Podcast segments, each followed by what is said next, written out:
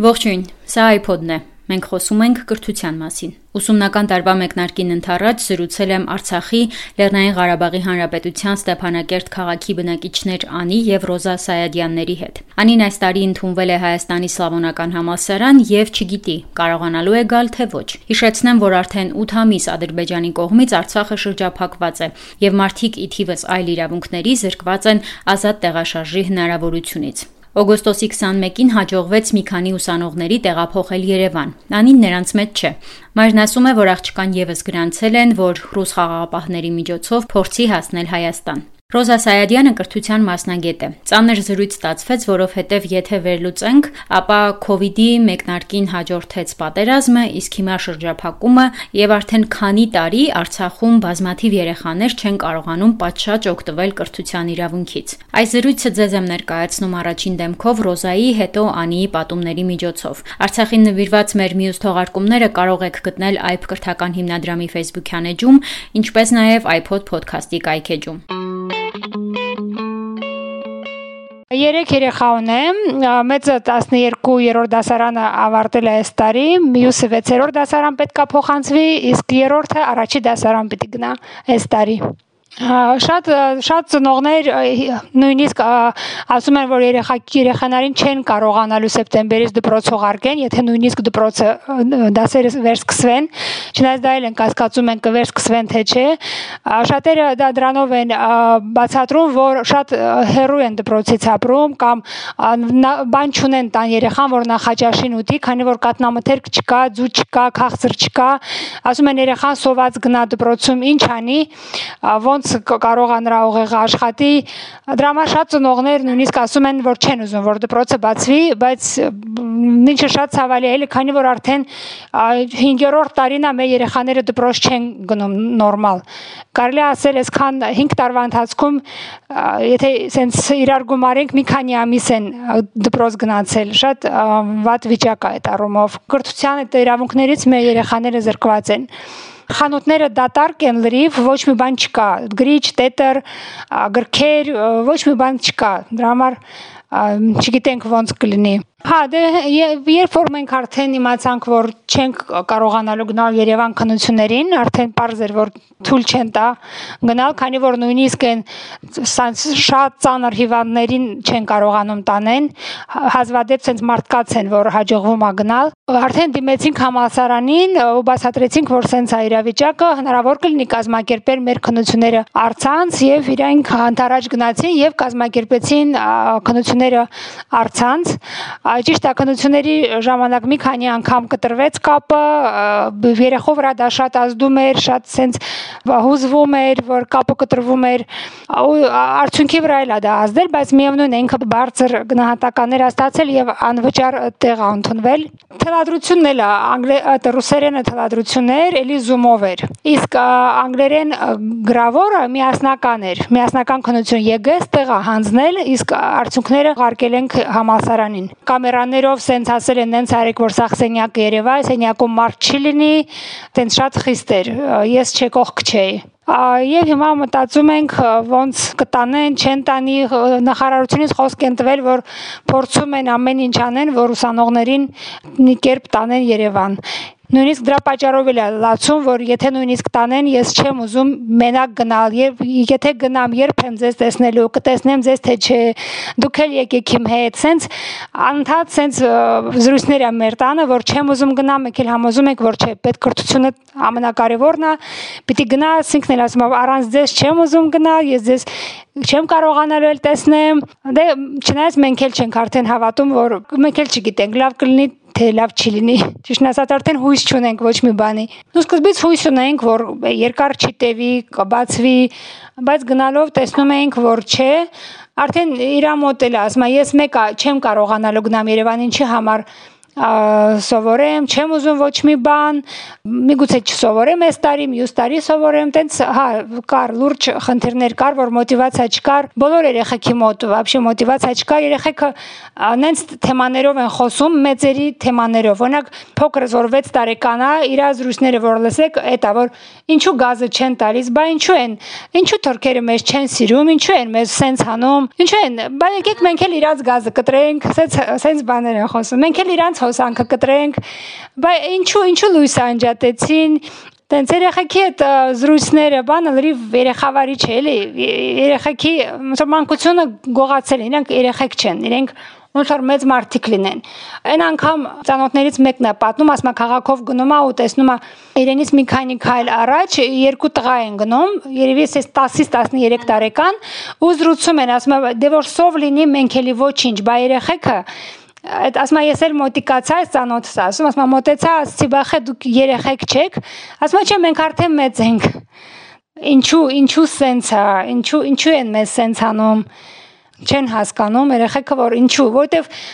երեխեքին սովորաբար ոնց ենք մեծացնում, որ դաբրոպա բիժդայց զլո չէ, որ միշտ ճիշտը կհաղթի, որ ճիշտը, բայց տեսնում ենք, որ տենց չի։ Տեսնում ենք, որ իրական կյանքում չարն է հաղթում։ Մարդու իրավունքները ոչ մի նշանակություն չունեն։ Նշանակություն ունի շահը, ում ումից օգուտ ունեն, նա էլ ճիշտ է, որ այսքան մարդուն ստեղ չգիտեմ ինչի համար այսքան տանջում են պրոստը նրա համար որ այս մարդիկ ուզում են իրանց տանը ապրեն, ուզում են հայ մնան, իրենց երկիր ունենան եթե ես ծնվել եմ օրինակ իմ երեխաքը ծնվել են ազատ Արցախում, ես էլ ծնվել եմ Ղարաբաղում ոչ թե Ադրբեջանում, որը սովետական միության կազմեր։ Ինչու հիմա պետք է Ադրբեջան դառնանք, հա, այդ անհասկանալի է։ Դե բայց աշխարհը արդարություն, բան տես բաներ չկա, արդեն ու ամենավատը այն է, դժվարը վատը այն չի, որ ուտելու բան չկա կամ դրան սա կարելի է դիմանալ, մի բան կարելի է անել, ոչինչ, մի քիչ սոված կմնաք, բայց ամենա այդ հուսաթափողը, ամենա ցենց նվաստացնողը այնա որ արդարություն չկա Էտա ամենավատը, որ հույս չկա, արդարություն չկա։ 90-ականների պատերազմի ժամանակ նույնն էլ մեզ հետ է կատարվել, մեր սերունդի հետ։ Այն ժամանակ ես օրինակ 6-րդ դասարանում էի,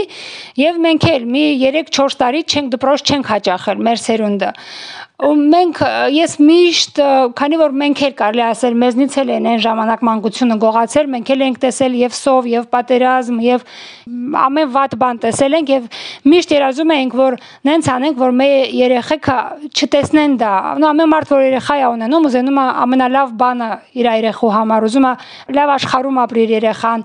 մենք փորձում ենք ամեն կերպ նենց անել, որ մեր երեխեքին տանք ամենալավը։ Ու մինչև պատերազմը դա ստացվում էր։ Մենք ամեն ինչ անում ենք, որ մեր երեխեքը ամեն ինչ ունենան, ամենա ոչ մի բանից զրկված չլինեն ցավոք սրտի ինչպես մենք էինք մեր մեր կրթության իրավունքներն է խախտված մենք զրկվեցինք կրթությունից մանկությունից նույնպես էլ հիմա նույնը կատարվում է մեր երեխեքի հետ այն ժամանակ էլ մենք հա մեր սերունդները 4 տարի 3-4 տարի դպրոց չենք հաճախել իհարկե դա շատ է ազդել հիմա էլ է դրա արդյունքներ երևում չէ հաստատ եթե մենք ավելի այն ժամանակ նորմալ կրթություն ստանայինք, շատ ավելի լավ կլիներ, հա, մենք էլ ավելի շատ լավ կրթված մարդիկ կնեինք, չէ՞, մենք էլ հիմա ես օրինակ չեմ զգում, որ ես ունեմ այն կրթության մակարդակը, որը կուզենայի ունենալ, քանի որ ես էլ դպրոցական տարիներում պատերազմի ժամանակ ստիպված էի դպրոց չհաճախել մի 3-4 տարի իրանց հետ նույնն է կատարվում ու իհարկե դա շատ շատ շատ վատ հետևանքներ կունենա եւ արդեն ունի Քանի որ հետաքրքրությունն է կորչում դեպի կրթությունը եւ իհարկե հիմքը, տենց օրինակ մեջնեկս 6-րդ դասարանա փոխանցվում, փոխվում, արդեն երկրորդ դասարանից իրանք նորմալ դաս չեն արել կամ կորոնավիրուսներ, հետո էլ պատերազմներ, Եվ իհարկե այդ սկիզբը, կրթության սկիզբը ոնց որ դնես, տենց էլ կգնա։ Չնայած մենք փորձում ենք հա տանը տանը սովորեցնել բան, բայց մեկը դպրոցի տվածը ուրիշ է, այդ շրջապատի մեջ, ուսուցիչների մեջ սովորածը ուրիշ է, դու տանը չես կարա դա փոխարինես։ Շատ ցավալի է, որ տենց է եւ ես չգիտեմ ինչ ոնց կլինի, ինչ կլինի մեր երեխաքի կյանքը։ Շատ շատ տխուր է ու սարսափելի։ Չնայած ես էլ ինքս տենց միշտ սիրում էի սովորել, բայց ես էլ նույնիսկ դպրոցի ժամանակ այդ Չնայած բոլորը ասում են, որ սովետական կրթությունը ամենից լավն էր, երբեք դպրոցը չեմ սիրել։ Հենց այդ մեթոդիկան, այդ մոտեցումը չեմ սիրել, այդ զուբրյոշկայի այդ բանը էլի, երբեք դա ինձ դուր չի եկել ու երեխեքին էլ դրա համար ես շատ չեմ ճնշում, որ անպայման գնացեք, պետքա 10 ստանաք, 9 ստանաք, շատ ծնողներ դրա վրա շատ մեծ գնահատական երեխականի վրա են շատ մեծ ուշադրություն դարձնում, որ անպայման նայեք 9 ստանաք, ցածր չստանաք, իսկ ես միշտ չէ երեխեքին ասում իմ համար կարևոր չի ձեր գնահատականը, կարևոր է դուք այսօր ինչ նոր բան եք սովորել։ Դենց ճնշում չեմ դնում էլ երեխեքի վրա, որ գիտե օրինակ կան աշակերտներ, որ գրատախտակի մոտ գնում, սկսում են լացել, վախենում են, որ իրենց մի քիչ ցած կդնեն գնահատականը տանը կխոսեն իրենց վրա կասեն ինչու 9 չէ ստացել, այլ 8 է ստացել։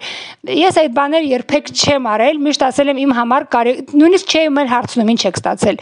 Կամ օրինակ որ գնում ենք մեզ այդ վեդոմստները տալիս են երեխեքի գնահատականներով։ Ես երբեք դաժե չեմ էլ նայում ինչ ի վեդոմստում ինչ գնահատական է դրած։ Որտեվ ես гիտեմ մեր կրթության այդ սիստեման, որը ինձ ընդհանրապես դուր չի գալիս, գնահատական դնում են դրա համար ոնց ես դու կարողանում այդ воспроизвести что там, հա, իսկ դա իմ համար ոնց որ կարևոր չի։ Կարևոր է երեխան ոնց է մտածում, կրուգազորը, հա, երեխու դա է կարևոր իմ համար։ Լոգիկան, ոնց իրեն կպահի ինչ որ կոնկրետ իրավիճակներում, տրամաբանությունը, դա իմ համար կարևոր։ Դրա համար էլ մեր դպրոցական համակարգի տված գնահատականները իմ համար ընդհանրապես կարևոր չեն։ Դրանից բացի ես փորձում եմ իրենց միշտ ասում եմ, որ ինչ դպրոցում տվել են, դա շատ քիչ է։ Դուք պետք է հատկապես հիմա որ դեռ ինտերնետ ունեինք եւ հույս ունեմ կշարունակենք ունենալ միշտ ասում եմ դուք ձեր առաջ ունեք գրադարան ինտերնետից օգտվեք YouTube-ով նայեք այնքան հետաքրքիր դասեր կան շատ գրքեր ունեն իրանք հետաքրքիր փորձում եմ նենց անել որ շատ ընթերցեն Միշտ դպրոցում դա ասում են, որ ինչու քիմիան, ֆիզիկան ամենահետաքրքիր առարկաներն են եւ ամենա կարևոր, հա, միշտ ասում եմ, ինչու եք նենց անում, որ երեխեքը ատում են այդ առարկաները, չեն սիրում։ Ինչու մի անգամ չեմ տեսել, որ երեխան գա, ասի դպրոցում սենց փորձ են արել քիմիայից կամ ֆիզիկայից, ինչու տենց բաներ չեք անում։ Ես միշտ դա դպրոցում ասում եմ, ոչ մեկին հետաքրքիր չի Իրանք անընդհատ ասում են երեխեքը հիմա վատն են, երեխեքը հիմա չեն սովորում, երեխեքը հիմա ես ասում եմ երեխեքը վատը չեն։ Սիստեման պետքա փոխել, երեխեքին ուրիշ մոտեցում է պետք։ Օրինակ, եթե պատմության դաս է լինում, պատմության ինչ որ դասն ենք միասին սովորում, կամ շրջակա միջավայր, կամ ինչ որ նենց առարկա աշխարհագրություն, բան, ես անպայման փորձում եմ այդ կրթական վիդեոներ գտնել այդ թեմայով ու իրան ցույց տալ։ Նույնիսկ մաթեմատիկայով, եթե մաթեմատիկայից ինչ որ դաս են անցնում, անպայման դրանից փորձում եմ ինտերնետում ինչ որ հետաքրքիր դաս դրա վերաբերյալ գտնել, որ երեխան հետաքրքրել է երեխային դա։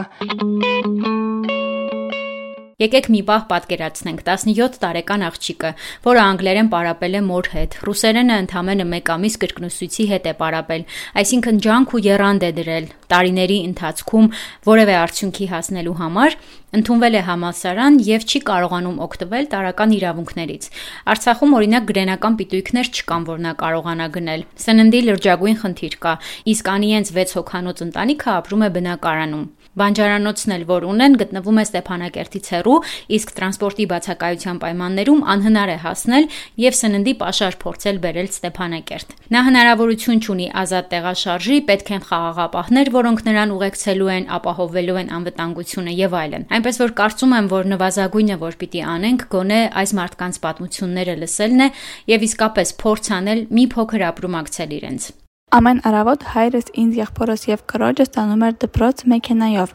Դպրոցը ունի ճաշարան, որը հիմա չի գործում սննդի պակասության պատճառով։ Դպրոցի մոտ կան սրճարաններ, որտեղ սիրում էին գնալ ընկերներով։ Նրանք հիմա նույնպես չեն գործում նույն պատճառով։ Եվ նաև վառելիքի բացառության պատճառով ստիպված էինք ոտքով գնանք դպրոց։ Հատկապես դժվար էր պատրաստվել մեր վերջի զանգին, քանի որ խանութներում չէին վաճառում ծաղիկներ, փուչիկներ, ժապավեններ եւ շատ դժվար էր պատրաստվել այդ տոնին։ Ցածր եւ միջին դասարանները ընդհանրապես չէին հաճախում դպրոց գազի եւ հոսանքի բացակայության պատճառով, իսկ ավագ դասարանները ընդհատումներով էին հաճախում դպրոց, քանի որ դասարաններում շատ ցուրտ էր ջերուսման բացակայության պատճառով։ Իսկ դասերը տևում էր 30 րոպե 45 րոպեից փոխարեն։ Քանի որ օրեցօր վիճակը ավելի էր վատանում եւ հույսը կորում էր, որ ճանապարհը երբևէ կբացվի, ինչ որ բան անելու եւ սովորելու ցանկությունս կորավ եւ արդեն նույնիսկ կարեւոր չէր կընդունվեմ, թե չէ, եւ մինչ հիմա այդպես էլ կա։ Չգիտեմ նույնիսկ եթե ուսանողներին ինչ որ կերպ հնարավորություն լինի Երևան տեղափոխելու, կարմիր խաչի միջոցով, չգիտեմ կուզենամ գնամ Երևան թե չէ, որովհետև չգիտեմ երբ կկարողանամ տեսնեմ իմ ընտանիքը եւ ընկերներիս։ Չկար տրանսպորտ դպրոց հասնելու համար, չկան գրնային պիտույքները, չնայած բոլոր դժվարություններին շարունակում էի իմ պարապմունքները։ Չնայած բոլոր խոչընդոտներին եւ խնդիրներին, երիտասարդական կազմակերպությունները փորձում էին միջոցառումներ կազմակերպել, բայց հաճախ հենց միջոցառման սկսման պահին ստիպված էին լինում չեղարկել միջոցառումը։ Այդպիսի մի դեպքի հանդիպել էինք ես ու իմ ընկերները, մենք երկար ճանապարհ էինք քայլել համերգի վայր եւ անհամբեր սպասել էինք համերգը սկսվի, բայց այն տեղի չունեցավ հոսանքի վթարային անջատման պատճառով։ Երբ պարզ դարձավ, որ մենք չենք կարողանալու ներկա լինել մեր քննություններին, մենք դիմեցինք մեր համալսարաններին խնդրանքով, որ մեր քննությունները կազմակերպեն առցանց։ Եվ քանի որ կապի հետ կան խնդիրներ, մեր քննությունների ընթացքում